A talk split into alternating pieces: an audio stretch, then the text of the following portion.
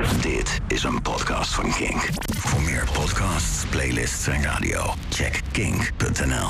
Kink. Kink op de week. Woensdag vloog Marokko, vloog Marokko uit het WK en dat was jammer. Van mij mochten ze winnen. Alleen al omdat het zo leuk is als de underdog wint. Net als toen Griekenland in 2004 het EK won. Dat was te gek voor de Grieken en nog te gekker voor alle serviesverkopers die daarna Griekse restaurants weer van een nieuwe voorraad servies moesten voorzien. En een overwinning op Frankrijk was helemaal waanzinnig geweest. Marokko is namelijk jarenlang overheerst geweest door of in oorlog geweest met Frankrijk.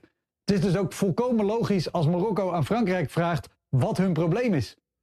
En dat er rellen waren naar wedstrijden is een teken dat de Marokkaanse gemeenschap geweldig is geïntegreerd. Bij Nederlandse voetbalclubs is er ook om de haverklap gezeik. Toen Feyenoord de laatste keer kampioen werd, was het alsof het feest plaats had gevonden in een extreem gewelddadige tijdmachine. En werd de Koolsingel vakkundig teruggebracht naar de staat van de Koolsingel in 1945. en vergeet ook niet hoe Feyenoord-fans de historische Trevi-fontein in Romeinen in Rome ooit probeerden om te toveren tot een Trevi Calzone. Ajax vierde meerdere huldigingen en overwinningen op een parkeerplaats bij de Arena nadat ze bij een eerder feest het Museumplein afbraken.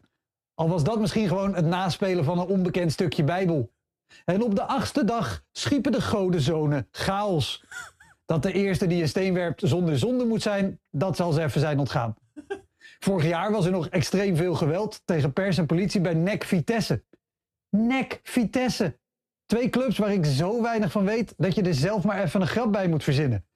En als je hem online zet en er komen boze reacties vol spelfouten, dan zit je goed. Wat ik wil zeggen, Marokkanen en Marokkaanse Nederlanders zijn niet anders dan Nederlanders met kleurcode RAL 9010.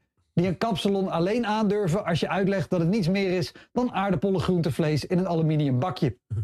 Het overgrote deel van de voetballiefhebbers wil gewoon feesten met elkaar als hun team wint.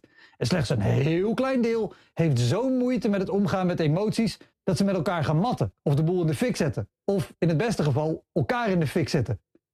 Al meer dan twintig jaar worden alle Marokkanen op een hoop gegooid. Daarbij geleid door die ene politicus uit Zwanlu, die zijn haar blondeert om zijn Indische roots te verbergen. Fun fact, in oktober gingen VVV Venlo-fans rellen bij een wedstrijd tegen Rode JC. En er volgden daarna meerdere stadionverboden. Wat een heftige beslissing is, want zoveel VVV-Venlo's zijn er helemaal niet.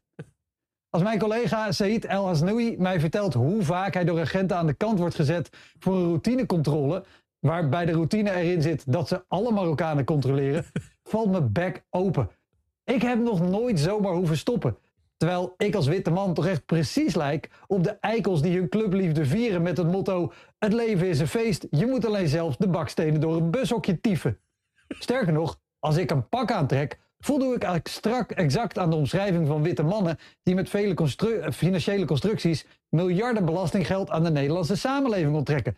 En daarmee meer schade aanrichten dan Marokkaanse problemenjongeren.